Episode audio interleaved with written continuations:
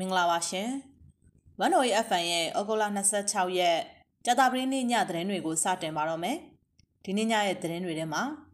အာနာသိန်းအကြမ်းဖက်စစ်ကောင်စီတပ်စခန်းတစ်ခုကို KNN ကတက်ရောက်သိမ်းယူနိုင်တဲ့သတင်း။ပဲခူးမြို့မှာမင်းညကပြစ်ခတ်မှုဖြစ်ပွားပြီးနောက်စစ်ကောင်စီတပ်တွေကရက်ွက်အတွင်းရှာဖွေဖမ်းဆီးနေတဲ့တဲ့အရာတော်မြို့နယ်ကျွေပကံကျေးရွာတွေကိုစစ်ကောင်စီတပ်တွေကဝင်းမှွေပြီးရွာကန်တွေကိုဖမ်းဆီးနေတဲ့တဲ့ ရိုက်ကော်မြို့ပေါ်မှာရှိတဲ့မိုင်တဲယုံဘုံပေါက်ကွဲတဲ့တဲ့စီရီယန်ဟန်ဆောင်ထားတဲ့ရဲထောက်လမ်းရေးကို PDF ကဖမ်းဆီးလိုက်တဲ့တဲ့ထောင်ဝင်စာပို့ရင်းနဲ့မိခင်နဲ့အတူဖမ်းဆီးခံလိုက်ရတဲ့ဦးနိုင်ငံလေးရဲ့တားငယ်ကိုစစ်ကောင်စီကအိမ်ကိုပြန်ပို့တဲ့တဲ့ကချင်မျိုးသားကွန်ဂရက် KMC ပါတီဥက္ကဋ္ဌကိုစစ်ကောင်စီကဖမ်းဆီးလိုက်တဲ့တဲ့ရခိုင်မှာ COVID-19 ကာကွယ်ဆေးလူတိုင်းထိုးနိုင်ဖို့ရခိုင်တပ်တော် AA ကကြိုးပမ်းနေတဲ့တဲ့ KIO ထိန်းချုပ်နယ်မြေအတွင်းမှာရှိတဲ့စစ်ရှောင်းစခန်းတချို့ကို COVID-19 ကန့်သက်ချက်ဖြေလျှော့ပေးတဲ့တဲ့စတဲ့တဲ့တွေအပြင်မိုးပြဲ PDF နဲ့ဆက်သွယ်မေးမြန်းချက်နဲ့နိုင်ငံတကာသတင်းတွေကိုနားဆင်ရမှာပါ။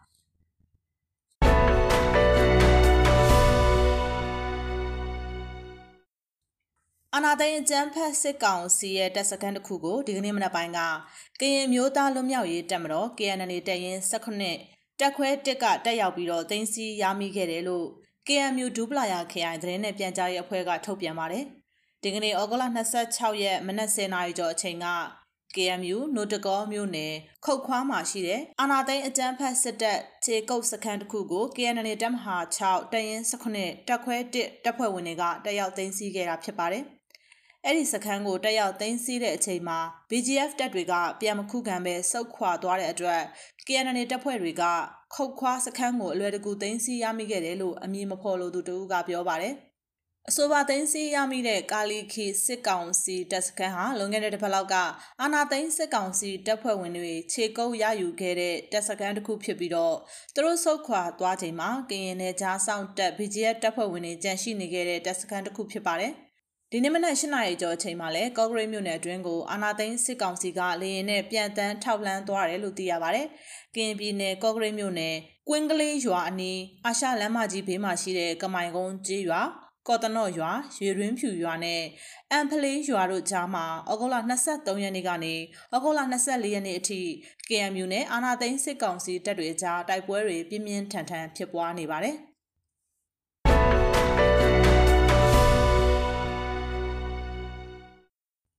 ပဲခူးမြို့မှာမနေ့ည9နာရီခွဲဝန်းကျင်ကပြစ်ခတ်မှုဖြစ်ပွားပြီးတဲ့နောက်စစ်ကောင်စီတပ်တွေကရက်ွက်တွေအတွင်းဝင်ရောက်ရှာဖွေကမြို့ခံတချို့ကိုဖမ်းဆီးသွားခဲ့ပါတယ်။ကိုမင်းကိုချင်းလန်းကရဲရိတ်တာအနီးလက်ပြကန်တဲ့နာယီစဉ်အနီးဝန်းကျင်တွေမှာပြစ်ခတ်မှုဖြစ်ပွားခဲ့ပြီးတော့တနတ်တန်၁၀ချက်ကျော်ကြားခဲ့ရတယ်လို့ဒေသခံတွေကပြောပါတယ်။ ညကပြစ်တာဇက်တိုက်ပါပဲ drone တွေးလို့ဆိုပြီး drone ကိုလိုက်ပစ်ကြတာလို့ကြားတယ်တနက်တန်ကတော့မတူဘူးကျွန်တော်တို့အပြင်ထွက်ကြည့်လို့မရဘူးလေခေါင်းထွက်ကြည့်တာနဲ့တနက်နဲ့ချိန်ပြီးအိမ်ထဲကိုပြန်ဝင်ခိုင်းတာလို့လက်ပြကန်အနီးမှာနေထိုင်သူတူကပြောပါတယ်ပြစ်ခတ်မှုအတွင်းထိခိုက်ဒဏ်ရာရရှိမှုနဲ့ပျက်စီးဆုံးရှုံးမှုတွေကိုစုံစမ်းနေဆဲဖြစ်ပါတယ်ဆိုပါပြစ်ခတ်မှုဖြစ်ပွားပြီးနောက်ဆိုရှယ်လစ်ရက်ကွက် အင်းဝင်ရက်ကွက်မော်ကန်ရက်ကွက်စံတော်တွင်းရက်ကွက်ကြီးတော်ကုန်းရက်ကွက်နန်းတော်ရာရက်ကွက်နဲ့ကြောက်ကြီးစုရက်ကွက်တွေကိုအကြမ်းဖက်စစ်တပ်ကဝင်ရောက်ရှာဖွေဖမ်းဆီးတာတွေလုပ်ခဲ့ပြီးမျိုးသား၅ဦးဖမ်းဆီးခံခဲ့ရတယ်လို့သိရပါတယ်။ပဲခူးမှာဩဂုတ်လအတွင်းပြည်သူတွေကိုနေ့စဉ်နှီးပါအကြမ်းဖက်စစ်တပ်ကဖမ်းဆီးနေတယ်လို့သိရပါတယ်ရှင်။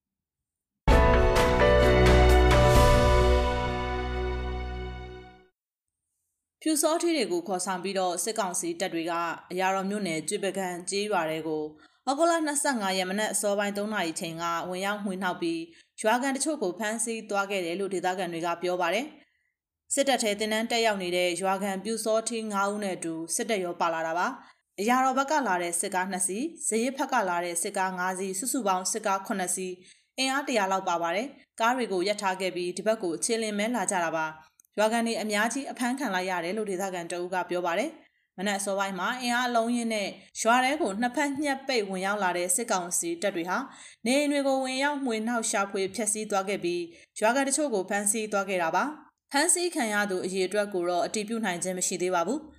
အဖမ်းခံရတဲ့အထက်ကျွန်တော်အဖေလဲပါပါတယ်အယောက်30လောက်ကိုအရင်ဖမ်းပါတယ်နောက်ပိုင်းထပ်ဖမ်းတာနဲ့ဆိုခံမှန်းကြီး80လောက်ရှိမယ်အဖေကတော့နောက်ပိုင်းမှာပြန်လွှတ်လိုက်ပါတယ်ယောက်ျားမိန်းမလူကြီးလူငယ်မရွေးတော်တော်များများကိုအိမ်တွေမှာတစုစီဖမ်းထားတယ်လက်နောက်ပြန်ကျိုးတုပ်ဖမ်းထားသူတွေကိုတော့နောက်ပိုင်းမှာပြန်လွှတ်ပေးခဲ့ပါတယ်လက်ထိတ်ခတ်ဖမ်းထားသူတွေကိုတော့ခေါ်သွားတယ်လို့ဆိုပါတယ်စစ်ကောင်စီတပ်တွေကကျွေးပကံကျေးရွာကို၃ချိန်မြောက်ဝင်ရောက်စီးနှင်းခဲ့တာဖြစ်ပြီးတော့ရွာသူရွာသားတွေရဲ့စံစီရိတ်ခါတွေကိုတင်ယူသွားခဲ့တယ်လို့သိရပါတယ် ကျွေပကံကျေးရွာမှာဝင်ရောက်မှွေနောက်ဖျက်ဆီးပြီးဩဂုတ်လ25ရက်ညနေပိုင်းမှာပြန်လာတဲ့စစ်ကောင်စီတပ်တွေဟာစကိုင်းတိုင်းဒေသကြီးရာတော်မြို့နယ်ဒုံစစ်ရွာနဲ့စရိပ်ရွာကြားမိုင်းဆွဲတိုက်ခိုက်ခံခဲ့ရတဲ့အတွက်ထိခိုက်ပျက်စီးမှုတွေရှိနိုင်တယ်လို့ဒေသခံတွေကပြောပါတယ်။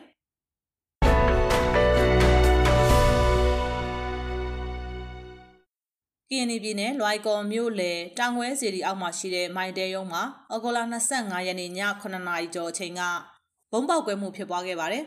ဘသူလက်ချက်လဲဆိုတာတော့မသိပါဘူးပောက်ကွဲတန်တော့အကျယ်ကြီးပါပဲထွက်ကြည့်တော့မိုင်းတဲရုံမှာပောက်ကွဲတာဖြစ်ပါတယ်ပောက်ကွဲပြီးတာနဲ့စစ်သားတွေရောက်လာတယ်လို့ဒေသခံတူကပြောပါတယ်ဘုံပေါက်ကွဲမှုကြောင့်မိုင်းတဲရုံရုံးဝင်ပေါက်အချမ်းပျက်စီးသွားခဲ့ပါတယ်ဩဂုတ်လ23ရက်နေ့ကလည်းဒီမော့ဆိုမြို့နယ်ငွေတောင်ကျေးရွာအုပ်စုမှာရှိတဲ့မိုင်းတဲတာဝါတိုင်းဖောက်ခွဲခံခဲ့ရပါတယ်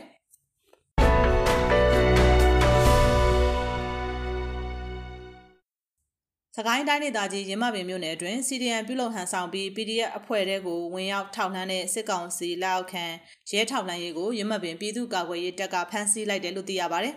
။ဒီသတင်းကဟုတ်ပါတယ်ကျွန်တော်တို့ထုတ်ပြန်တာမျိုးတော့မလုပ်သေးပါဘူးလို့ပြန်ကြားရေးတာဝန်ခံကအတည်ပြုပြောပါတယ်။စုံစမ်းစစ်ဆေးချက်အရမုံရွာအမှတ်2ရဲစခန်းကစီတူငိန်ကိုပိုင်အမှတ်933986ကိုဖြစ်တယ်လို့ဒေသခံသတင်းအရင်းမြစ်တွေထံကသိရပြီးမြစည်းမအနေနဲ့တည်ပြုနိုင်ဖို့စ조사ဆဲဖြစ်ပါတယ်။ ရမပင်မြို့နယ်ဗန်ဘွေးရွာနေကြန့်ခိုင်ရေးပါတီပိုင်း9မိုင်တိုးဂိတ်မီလာမှုအတွက် PDF လှုပ်ရှားမှုတွေကိုလိုက်လံစုံစမ်းနေချိန်မှာဖမ်းဆီးနိုင်ခဲ့တာဖြစ်တယ်လို့သတင်းရင်းမြစ်တစ်ခုကပြောပါတယ်။ဩဂုတ်လ23ရက်နေ့မှာစကိုင်းတိုင်းဒေသကြီးချင်းတွင်းမြစ်နောက်ဖက်ကရမပင်မြို့နယ်မုံရွာရာကြီးကလေးဝလမ်းပေါ်ဗန်ဘွေးကျေးရွာအနီးမှာရှိတဲ့တိုးဂိတ်မီရှို့ခံလိုက်ရပြီးတိုးဂိတ်မန်နေဂျာဆိုသူအသက်ခံရမှုဖြစ်ပွားခဲ့ပါတယ်။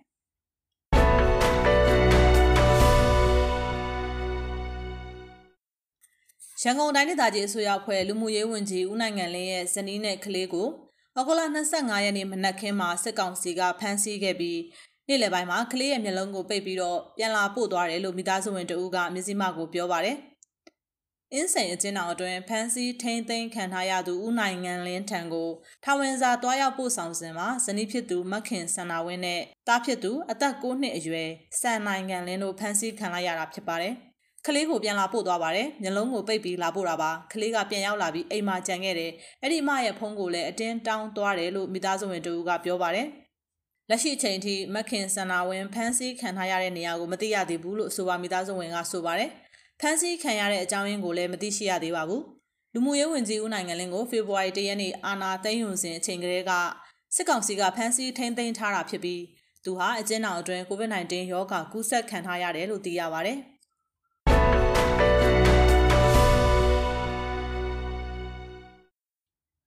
ကချင်တိုင်းရင်းသားပါတီကြီးတစ်ခုဖြစ်တဲ့ကချင်အမျိုးသားကွန်ဂရက် KMC ပါတီဥက္ကဋ္ဌဒေါက်တာအမ်ကောလာကိုအာဏာသိမ်းစစ်ကောင်စီတပ်ဖွဲ့ဝင်တွေကမနေ့ညနေကဖမ်းဆီးသွားခဲ့ပါတယ်။ဒေါက်တာအမ်ကောလာကိုစစ်ကောင်စီတပ်ဖွဲ့ဝင်တွေကမနေ့ညနေ၄နာရီကနေမာလာရောက်ဖမ်းဆီးသွားတာဖြစ်တယ်လို့မိသားစုဝင်တွေနဲ့နှိစက်သူကဆိုပါတယ်။ဆီယနာသိမ်းပြီးနောက်နိုင်ငံရေးပါတီတချို့ကလူပုဂ္ဂိုလ်တွေနဲ့တတိပုဂ္ဂလပြည်သူတွေပါဝင်တဲ့ကချင်ပြည်သူနိုင်ငံရေးရှေ့ဆောင်ဖွဲ့ KPPF ကိုဒေါက်တာအန်ဂိုလာကဖွဲ့စည်းခဲ့တာဖြစ်ပါတယ်။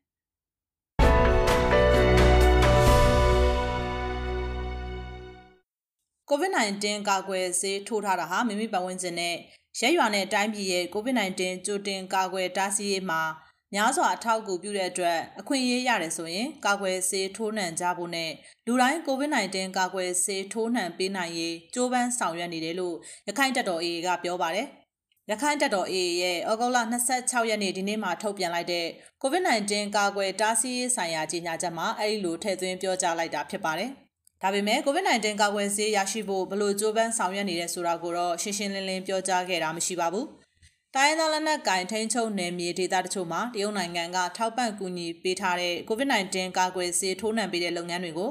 ဇူလိုင်လကုန်ပိုင်းကစတင်ဆောင်ရွက်နေတာဖြစ်တယ်လို့သိရပါတယ်။ရခိုင်ဘင်္ဂလားဒေ့ရှ်နယ်စပ်ဂိတ်တွေစစ်ပေးတင်ပြည်သူတွေရဲ့စာဝတ်နေရေးစိန်ခေါ်မှုတွေရဲရွာတချို့မှာ COVID-19 ရောဂါကူးစက်ခံရမှုဆက်လက်ရှိနေတာနဲ့ရေလုံသားတွေရဲ့အဝင်အထွက်သွားလာမှုမှတ်တမ်းတွေအရ COVID-19 နဲ့ပတ်သက်ပြီးသတိမပေါ်လျော့ကြဖို့ AA ကတိုက်တွန်းထားပါတယ်။ရခိုင်ပြည်နယ်မှာ COVID-19 တတိယလှိုင်းအတွင်းဩဂုတ်လ25ရက်နေ့အထိယောဂပိုးတွေ့လူနာ3914ဦးရှိပြီးတော့သေဆုံးသူ382ဦးရှိတယ်လို့ AA ရဲ့ထုတ်ပြန်ချက်ကဖော်ပြထားပါတယ်။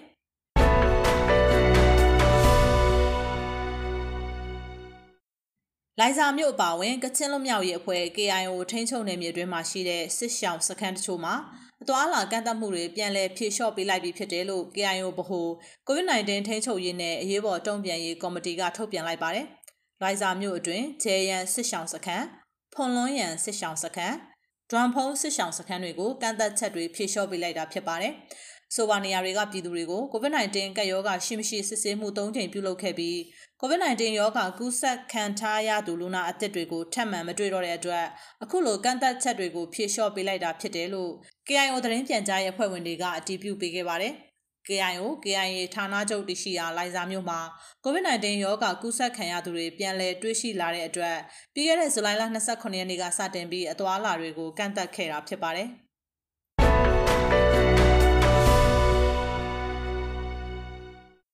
မိုးပြဲ PDF တပ်သားတွေဟာမိုးပြဲရဲစခန်းကိုတင်ယူခဲ့စဉ်ကရှေ့တန်းကလူတွေမှာပဲလက်နက်ရှိပြီးနောက်တန်းကလူတွေမှာတော့လက်ဗလာနဲ့လိုက်လံတိုက်ခိုက်ခဲ့ရတာဖြစ်တယ်လို့သိရပါဗျ။လက်နက်မပြည့်စုံပေမဲ့မတရားမှုကိုလက်ပိုက်ကြည့်မနေခြင်းနဲ့စိတ်ပြည်သူတွေကိုတတ်နေလို့ကာကွယ်ရမယ်ဆိုတဲ့စိတ်ဓာတ်တွေဟာ PDF တွေဘက်ကအသာရနေတာဖြစ်ပြီးအကြမ်းဖက်စစ်တပ်ရဲ့ရဲတပ်သားတွေမှာတော့အဲ့ဒီလိုစိတ်ဓာတ်တွေမရှိလို့ကြာရှုံးခဲ့ရတာဖြစ်တယ်လို့ဆိုပါတယ်။မိုးပြဲ PDF နဲ့တွေ့ဆုံမေးမြန်းထားတာနားဆင်ပါရှင်။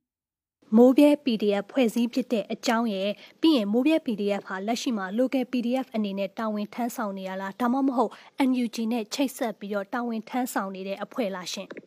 ဟုတ်ကဲ့ခင်ဗျာကျွန်တော်တို့ရဲ့ဖွဲ့စည်းဖြစ်တဲ့အကြောင်းရင်းကဗျာဒီအကြမ်းဖက်စစ်တပ်ကတနင်္ဂနွေလုံးမှာဟိုကျွန်တော်တို့ရဲ့ပြည်သူတွေကိုဖိနှိပ်မှုတွေရက်စက်မှုတွေအကြမ်းဖက်မှုတွေကြုံတွေ့ခဲ့ရတယ်ပေါ့နော်ဟိုကျွန်တော်ဆန္ဒပြတဲ့ကာလမှာကျွန်တော်မိုးပြဲအနေနဲ့လည်းဟိုနေ့စဉ်ဆက်ဆက် ကျွန်တော်ပြည်သူတွေနဲ့တသားတဲ့ဟိုရတိုင်းလို့လို့ကျွန်တော်ဆန္ဒပြဖြစ်ခဲ့ပါတယ်ဆန္ဒပြဖြစ်ခဲ့တော့ကျွန်တော်တို့ဟိုနေပြည်တော်မှာဖြစ်စဉ်မြတ်သက်သက်ခိုင်ရဲ့ဖြစ်ခဲ့မှုဖြစ်စဉ်ရဲ့နောက်ပိုင်းပေါ့နော်အဲ့ဒီဟာနဲ့အပါဝင်တခြားဟိုဒီအကြမ်းဖက်စစ်တဲ့ရက်စက်မှုတွေကိုမြင်ပြီးတော့ကျွန်တော်တို့ဒေသမှာဒါဒီလိုအကြမ်းဖက်မှုတွေပြည်သူတွေကိုဖိနှိပ်မှုတွေဖြစ်မဲ့ဆိုရင်ကျွန်တော်တို့ပြည်သူတွေကိုဘယ်လိုမျိုးကာကွယ်ပေးရမလဲပေါ့နော်ကာကွယ်ပေးဖို့လုပ်ရမလဲဆိုရင်ကျွန်တော်တို့ ခံစားချက်တွေအတွေ့အကြုံဖြစ်လာပါတယ်အဲ့ဒီနောက်ပိုင်းမှာကျွန်တော်ဒီ CRB ကမိမိမိမိကိုယ်ကိုခုခံကာကွယ်ပိုင်ခွင့်တွေကျွန်တော်ထုတ်ပြန်လာပြီးနောက်ပိုင်းမှာကျွန်တော်တို့ဒီ PT ရဲ့ကျွန်တော် people တက်ခတ်ဖို့ပေါ့နော်ဖွဲ့စည်းမယ်ဆိုပြီးတော့ကျွန်တော်တို့အစီအစဉ်နဲ့ပြီးဖွဲ့စည်းဖြစ်ခဲ့တာပါကျွန်တော်တို့အဖွဲ့ကဒီ NUG နဲ့ချိတ်ဆက်ထားလားဆိုတော့ဟိုဘယ်လိုပြောရမလဲ local လို့လည်းပြောလို့ရတယ်ခင်ဗျဒီ NUG ကလည်းအသိမဲ့ပြုထားတဲ့သဘောမျိုးပေါ့ကျွန်တော်တို့အလဲပိုင်းစစ်ဌာနချုပ်ရဲ့အဲညွှန်ကြားမှုအောက်မှာရှိပါတယ် ပြီးတော့ကျွန်တော် local အနေနဲ့လည်းပြောလို့ရပါတယ်ဟုတ်ကဲ့နှစ်မျိုးလုံးပြောလို့ရပါတယ်ဟုတ်ကဲ့ပါရှင်ဒါဆိုမိုးပြဲ PDF မှာဆိုရင်ပေါ့နော်လက်ရှိအဲ့လိုလူကြီးလူငယ်အသက်အရွယ်ပိုင်းခြားတွေဘယ်လောက်လောက်ထိပါဝင်တယ်လဲဒါမျိုးလေးသိချင်ပါတယ်မိုးပြဲ PDF ဟုတ်ကဲ့ခင်ဗျာကျွန်တော်အများစုကတော့လူငယ်တွေပဲခင်ဗျာမှာလူငယ်တွေပဲလူကြီးတွေလည်းပါတာပေါ့ခင်ဗျာဒါပေမဲ့အများစုကတော့လူငယ်တွေပဲပေါ့နော်ကျွန်တော်ဟို20ကျော်လေးတွေပါပဲခင်ဗျာကျွန်တော်အရင်ငယ်ပါ ဟုတ်ကဲ့ပါဒါဆိုရင်ပေါ့နော်ရုတ်တရက်အသက်20ကျော်လူငယ်တွေကနေပြီးတော့လက်ရှိမှာလက်နက်တွေကင်လာရတယ်အဲအဲမှန်တာပြောရင်ပေါ့နော်အသက်20ကျော်ရွယ်ဆိုတာလက်ရှိမှာပညာသင်ကြားရမယ့်အခြေအနေဒီအခြေအနေကနေပြီးတော့အခုလိုမျိုးတနက်တွေကိုင်းကိုယ့်ရဲ့အခွင့်အလမ်းအတွက်တိုက်ရှူနေရတဲ့အခြေအနေပေါ်မှာလူငယ်တွေရဲ့အတွေးအမြင်တွေဘယ်လိုမျိုးရှိပါသလဲရှင်ဟုတ်ကဲ့ခင်ဗျကျွန်တော်တို့ရဲ့အဓိကစိန်ခေါ်မှုကတော့ဒီကြံတမ်းမှုတွေပေါ့ဗျာကျွန်တော်တို့ကဟို အေးစေးလေးနဲ့ကျွန်တော်တို့ရဲ့အနာဂတ်ရည်မှန်းချက်တွေကိုဟိုပေါ်ဆောင်နေတဲ့အေးစေးနေခဲ့တဲ့လူငယ်တွေဆိုတော့ကျွန်တော်ပညာသင်ကြားနေတဲ့အရွယ်တွေဆိုတော့ကျွန်တော်အရန်ဘယ်လိုပြောရမလဲအေးစေးပါတယ်ခုလိုဒီလိုဖြစ်လာတဲ့နောက်ပိုင်းမှာတော့ကျွန်တော်ဒီတော်တွင်မှာနေရတယ်ကျွန်တော်ဒီစကန်သိမ်းပြီးနောက်ပိုင်းပေါ့နော်ကျွန်တော်တို့တော်တွင်မှာရဲဟိုမေ23ရက်နေ့မှာမူရဲစကန်ကိုတင်တယ်အဲ့ဒီနောက်ပိုင်းမှာကျွန်တော်ကတော်တွင်မှာပဲနေခဲ့တယ်အခုထိတူပေါ့နော်နေခဲ့တော့ကျွန်တော် တော်တွင်ကျွန်တော်ရဲ့နေထိုင်မှုပတ်ဝန်းကျင်အားလည်းတစ်စစ်ချိုးပြောင်းလဲသွားတယ်ပြီးတော့ကျွန်တော်တို့ရဲ့အစားအသောက်ကျွန်တော်တို့ရဲ့အနေထိုင်အဆက်ဆက်ရတစ်စစ်ချိုးပြောင်းလဲသွားတော့ဟိုစိတ်ခေါ်အေးရောဖြစ်ပေါ်လာတဲ့ခံစားချက်တွေရောအများကြီးပြောင်းလဲတာပေါ့ဗျာခက်ခဲရလည်းအများကြီးဖြစ်တယ်အဲ့ဒါကကျွန်တော်ရဲ့ဒီကျွန်တော်ရဲ့တိုက်ပွဲအတွက်လေ့ကျင့်ရတဲ့အားရကြတော့ကျွန်တော်တို့အရန်ပင်ပန်းတယ်ခင်ဗျ ခက်ခဲကြမ်းတဲ့နဲ့ပြောရမှာပေါ့ဟုတ်ကဲ့လေ့ကျင့်မှုနဲ့ပတ်သက်ပြီးတော့ဘယ်လိုမျိုးခက်ခက်ခဲခဲလေ့ကျင့်ရလဲဆိုတဲ့ဟာမျိုးလေးကိုဥပမာအနေနဲ့တစ်ခုလောက်များပြောပြလို့ရမလားရှင်อืมဟုတ်ကဲ့ခင်ဗျကျွန်တော်တို့ဆိုရင်ဘယ်လိုပြောမလဲပြေးရတော့ပြေးနိုင်တယ်ခင်ဗျဒါပေမဲ့ကျွန်တော်လေ့ကျင့်မှုတွေမှာပြေးရတခုရဲပဲနဲ့မဟုတ်ဘဲနဲ့ကျွန်တော်တို့ဒီပါဒန်ဆွဲပြီးတော့သွားတာမျိုးတို့ကျွန်တော်ပြီးတော့တွားတွားထားသွားတာမျိုးတို့ကျွန်တော်ဟို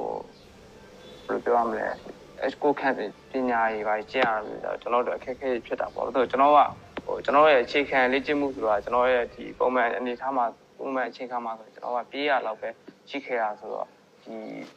ပြေးရထက်ပို့ပြီးတော့လေ့ကျင့်မှုတွေညောင်များစွာကိုကျင့်ရတော့ကြတော့အဲ့လိုမျိုးခက်ခဲမှုတွေဖြစ်တာပေါ့ဟုတ်ကဲ့ဟုတ်ကဲ့ကျွန်တော်တို့ကြားနေရတဲ့သတင်းတွေပေါ့နော်အဲ PDF တွေအတွက်ကျမ်းမာရေးတွေနေရေးထိုင်ရေးတွေလည်းခက်ခဲတွေရှိတယ်ဆိုပြီးတော့သိကြားသိရပါတယ်အဓိကကတော့ဟိုတေချာထောက်ပံ့နိုင်မှုတွေပေးနိုင်လားမပေးနိုင်ဘူးလားဒါမျိုးလေးတွေလည်းသိကြပါတယ်ရှင်ဟုတ်ကဲ့ခင်ဗျအဲ့ဒါလည်းအဓိကကျွန်တော်တို့စိန်ခေါ်မှုပါပဲကျွန်တော်တို့ကျမ်းမာရေးနေထိုင်ရေးစားတော်ရေးပေါ့နော်ဒီစားတော်ရေးနဲ့ပြောရမယ်ဆိုရင်ကျွန်တော်တို့ဘယ်လိုရိတ်ခါလည်းတစ်ခါလေးရတော့အခက်အခဲဖြစ်တယ်ခင်ဗျဒါပေမဲ့ကျွန်တော်တို့ကတော့အဲ့ဒီအပိုင်းကတော့ကျွန်တော်တို့အတွက် ဘယ်လိုပြောရမလဲပြောစရာ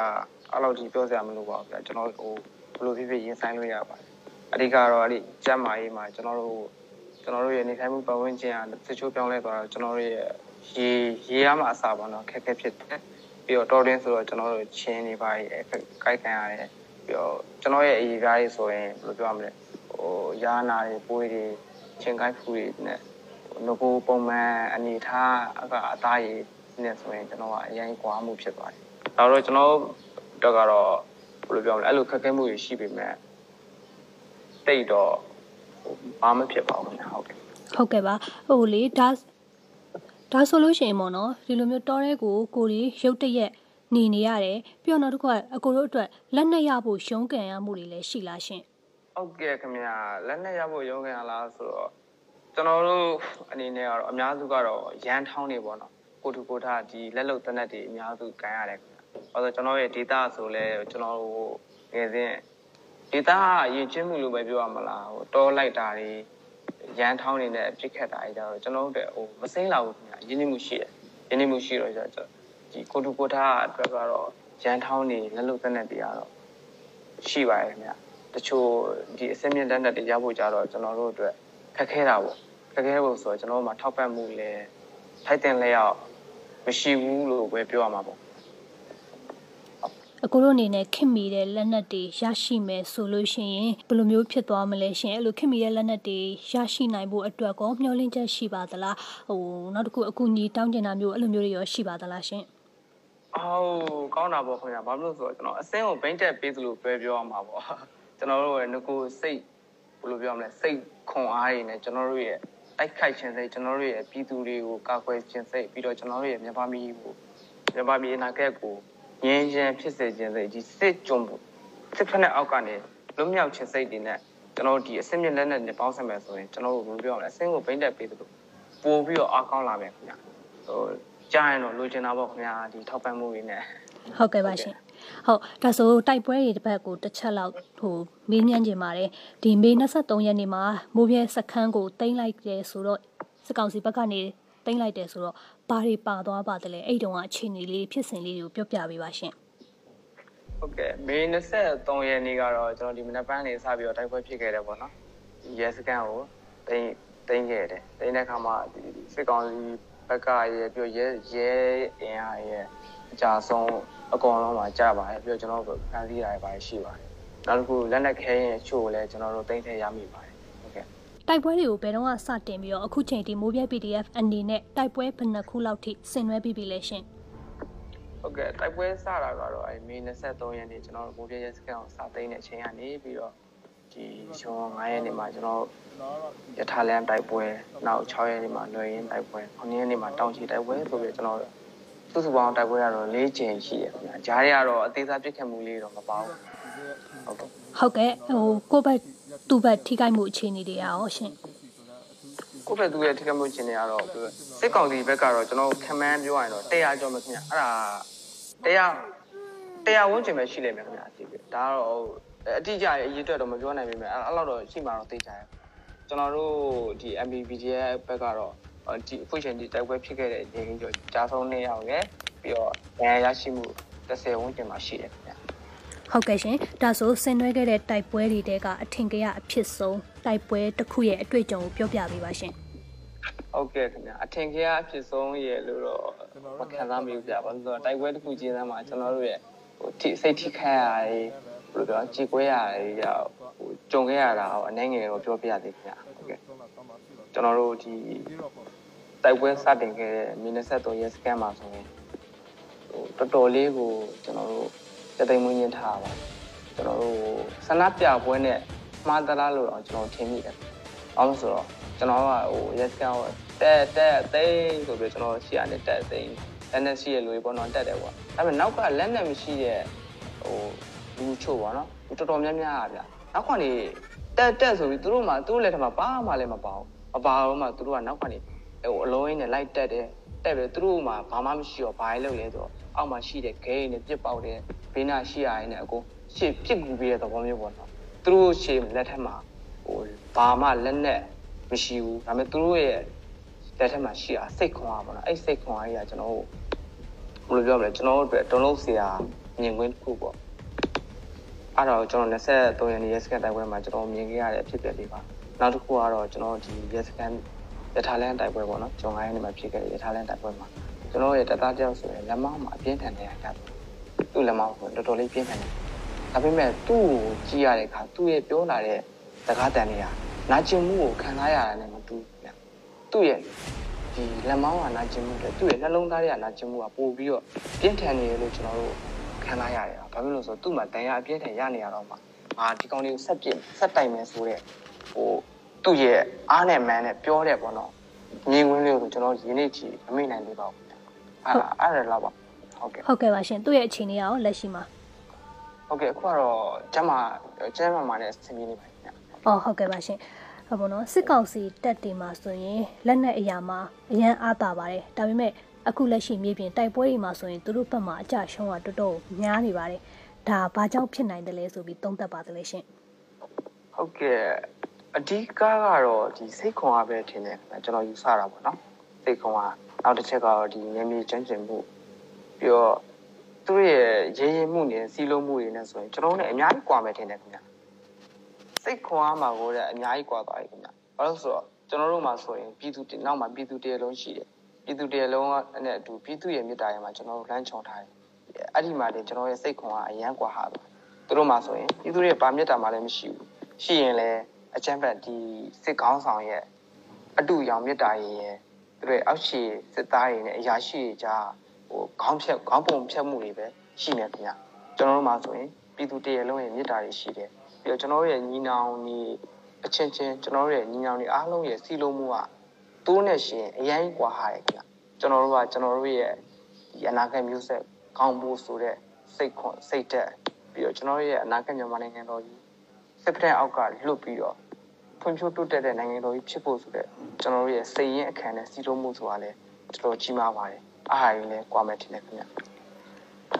ဟုတ်ကဲ့ပါရှင်ဟိုဒါဆိုပေါ့နော်မိုးပြဲ PDF အနေနဲ့လက်ရှိမှာလည်းသတင်းတွေကြားမှာပါ NUG ကနေပြီးတော့ D-Day အတွက်ကိုဆင်နွှဲမယ်ဆိုတဲ့အပေါ်မှာအမြင်လေးလည်းသိကျင်ပါတယ်အဲ့လိုမျိုး D-Day ဆိုပြီးတော့ဖြစ်လာလို့ရှိရင်ရောမိုးပြဲ PDF အနေနဲ့ဘယ်လိုနေရာတွေကနေပြီးတော့ဝင်ရောက်တိုက်ခိုက်သွားမှာလဲအတူတူလက်တွဲပြီးတော့တိုက်ခိုက်သွားမှာလားဒါမျိုးသိကျင်ပါတယ်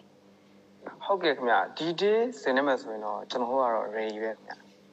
ဟိုဒီ day မဖြစ်ခင်ကတော့ကျွန်တော်တို့ဒီကိုတူကိုထကျွန်တော်တို့ရဲ့ဟိုမာမိတ်တွေနဲ့အကူအညီနဲ့ကျွန်တော်တို့တိုက်ပွဲတွေဖော်ဆောင်ခဲ့တယ်ခင်ဗျထိုက်တဲ့နဲ့အတိုင်းအတာတစ်ခုထိကျွန်တော်အောင်မြင်မှုတွေရခဲ့တယ်ဒီ NUG အနေနဲ့ detail စင်နေမှာဆိုရင်ကျွန်တော်တို့ ready ပဲပြီးတော့ကျွန်တော်တို့မှာလိုအပ်ချက်တွေအများကြီးရှိနေမယ်ရှိနေပေမဲ့လည်းကျွန်တော်တို့ကတော့ ready ပါပဲခင်ဗျဒီအကြမ်းဖက်အကြမ်းဖက်စေအုပ်စုချေမှုန်းဖို့ဆိုရင်ကျွန်တော်တို့အများကြီး ready ပါပဲဟုတ်ကဲ့ NUG အနေနဲ့အကြောင်းမျိုးမျိုးကြောင့်တောင်းနေနေမယ်တခုခုစီစဉ်ရမယ်ဆိုရင်တောင်မှကျွန်တော်တို့ကိုယ်တိုင်ဒီဒီအတွင်ဖော်ဆောင်ပြီးတော့ကျွန်တော်တို့ဘာသာဟိုတိုက်ပွဲတွေဖော်ဆောင်မယ်ဆွနေမယ်လို့ကျွန်တော်တို့ဆုံးဖြတ်ထားတယ်ခင်ဗျဒီတိုက်ပွဲအတွက်ဘာတွေပေးဆက်မယ်အထိဆုံးဖြတ်ထားကြပါလဲရှင်ဟုတ်ကဲ့ဘာတွေပေးဆက်မယ်ဆိုတော့ဟိုရှင်းသုံးပြောရရင်ကျွန်တော်တို့ကနှောင်ကျိုးတွေအကုန်လုံးကိုပေးဆက်မယ်ပေးဆက်မယ်လို့ကျွန်တော်တို့က ဆုံးဖြတ်ထားတယ်ခင်ဗျအဆုံးထိတိုင်မယ်ကျွန်တော်တို့ရဲ့ချစ်ချင်းမြတ်တာတွေကျွန်တော်တို့ရဲ့ချစ်ချင်းမြတ်တာနှလုံးသားတွေအထိပေးဆက်ဖို့အသင့်ပါပဲကျွန်တော်ဒီမြန်မာနိုင်ငံကြီးစစ်ဖက်နဲ့အောက်ကရုံးထွက်ဖို့ပဲလိုတယ်ရုံးထွက်နိုင်ဖို့ရုံးထွက်ဖို့ပဲလိုတယ်ကျွန်တော်တို့အဆုံးထိတိုင်မယ်ကျွန်တော်တို့ရဲ့အနာဂတ်မြန်မာပြည်အနာဂတ်မြန်မာလူထုကြီးရဲ့အရေးဟာကျွန်တော်တို့ရဲ့အရေးပုံစံမျိုးကျွန်တော်တို့အားလုံးရဲ့အရေးပုံစံမျိုး ကျွန်တော်တို့ရဲ့နှောင်ချိုးတွေအကုန်လုံးပေးဆက်ပြီးတော့အဆုံးထိတိုက်ပွဲကိုသွားမယ်လို့ဆုံးဖြတ်ထားပါတယ်ဟုတ်ကဲ့ဒါနဲ့လေဒီလိုစစ်တပ်ဘက်ကနေလေအခုဆိုရင်တက်ပြေးတဲ့တပ်သားတွေများပြားလာတာကိုတွေ့ရပါတယ်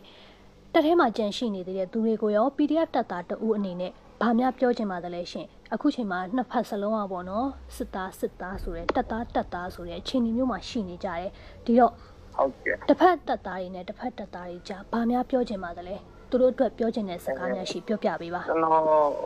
ကျွန်တော်တို့စိတ်ရင်းမှန်ကိုပြောရမယ်ဆိုရင်ကျွန်တော်တို့ဟိုမြန်မာနိုင်ငံသားအချစ်ချင်းပြန်တိုက်နေရတာကိုတော့ကျွန်တော်တို့တခါလေးတော့တွေ့ကြည့်မိစိတ်ထိခဲ့ရတယ်ခင်ဗျာဒါပေမဲ့အကျန်းဖက်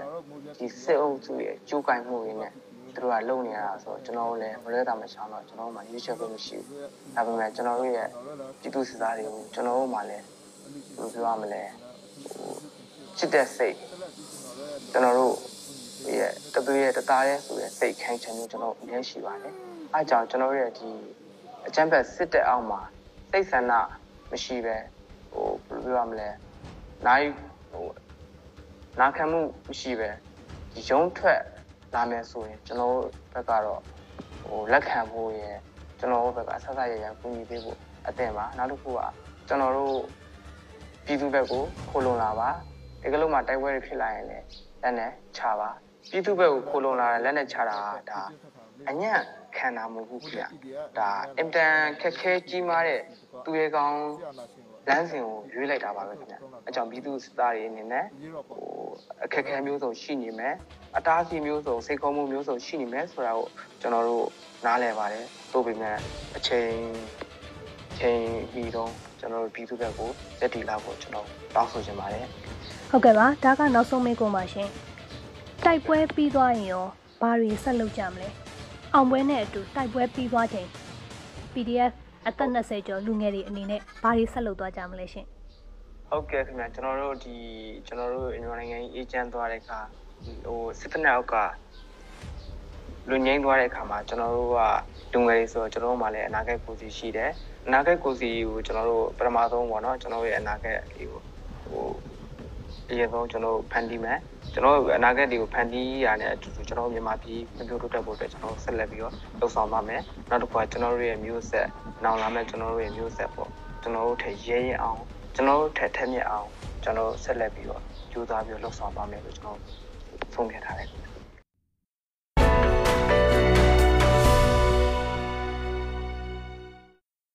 ဆက်လက်ပြီးတော့နိုင်ငံတကာသတင်းတွေကိုတင်ဆက်ပေးမှာပါ။ လေကြောင်းရန်ကာကွယ်ရေးစနစ်ကိုမြန်မာစစ်တပ်ထံတတ်မှတ်ရအတိုင်းအချိန်မီပေးပို့မယ်လို့ရုရှားကပြောကြားလိုက်ပါတယ်။ရုရှားကမြန်မာအာဏာသိမ်းစစ်တပ်ကိုရောင်းချပေးထားတဲ့လေကြောင်းရန်ကာကွယ်ရေးစနစ်စစ်လက်နက်တွေကိုသက်ဆိုင်ရာအယောင်စာချုပ်မှာပါတဲ့တတ်မှတ်ရက်အစီအစဉ်အတိုင်းအချိန်မီပေးပို့သွားမယ်လို့ရုရှားစစ်ဖက်နည်းပညာပူးပေါင်းဆောင်ရွက်ရေးဖက်ဒရယ်ဌာနအကြီးအကဲကဩဂုတ်လ25ရက်နေ့မှာပြောကြားမှုကို IA သတင်းအေဂျင်စီကကိုးကားဖော်ပြပါတယ်။ အဆိုပါလေကြောင်းရန်ကာကွယ်ရေးစနစ်ဟာလေယာဉ် drone တွေနဲ့ cruise drone တွေကိုပစ်ချရာမှာအသုံးပြုနိုင်ပါတယ်။ဖေဖော်ဝါရီလနေ့မှာအာဏာသိမ်းခဲ့တဲ့မြန်မာစစ်တပ်နဲ့အကြားနှစ်ဦးနှစ်ဖက်အပြန်အလှန်လဲပတ်သွားရောက်မှုတွေလက်နက်အယောင်းဝယ်သဘောတူညီချက်တွေဆက်လက်လုပ်နေခြင်းဟာရုရှားဟာမြန်မာအာဏာသိမ်းစစ်အုပ်စုကိုအတိအမှတ်ပြုနေတယ်လို့လူ့အခွင့်အရေးအုပ်စုတွေကဆွဆွဲထားပါတယ်။ရုရှားနိုင်ငံကပြောကြားရမှာတော့သူတို့အနေနဲ့မြန်မာနဲ့အကြားကာလရှည်ကြာပြီး မဟာဗျူဟာကျတဲ့ဆက်ဆံမှုတစ်ခုရှိထားကြောင်းနဲ့လက်ရှိမြန်မာနိုင်ငံမှာရှိတဲ့အခြေအနေဟာအတော်ပင်ကြီးလေးဆိုးဝါးနေပေမဲ့အခြေအနေတည်ငြိမ်မှုရဖို့အာဏာပိုင်တွေကအတက်နိုင်ဆုံးလှုံ့ဆော်နေတယ်လို့ယုံကြည်ကြောင်းပြောထားခဲ့ပါတယ်။မြန်မာအာဏာသိမ်းစစ်တပ်နဲ့ရုရှားတို့ဟာဒုံးကျည်ကာကွယ်ရေးစနစ်အယောင်းဝယ်ကိုဇန်နဝါရီလကသဘောတူညီခဲ့တာဖြစ်တယ်လို့ရုရှားလက်နက်ဆိုင်ရာအကြီးအကဲဒီမီထရီရှူဂေရက်ကပြောကြားခဲ့ကြောင်း RIA သတင်းအေဂျင်စီကကိုးကားဖော်ပြပါတယ်။ ကျွန်တော်တို့အနေနဲ့ဒီလက်နက်စနစ်တွေကိုစာချုပ်ပါသတ်မှတ်ချက်တွေနဲ့အညီပေးပို့သွားမှာဖြစ်ပါတယ်လို့ရှူဂေရက်ကပြောကြားမှုကို RIA သတင်းအေဂျင်စီကကိုးကားဖော်ပြထားပါတယ်။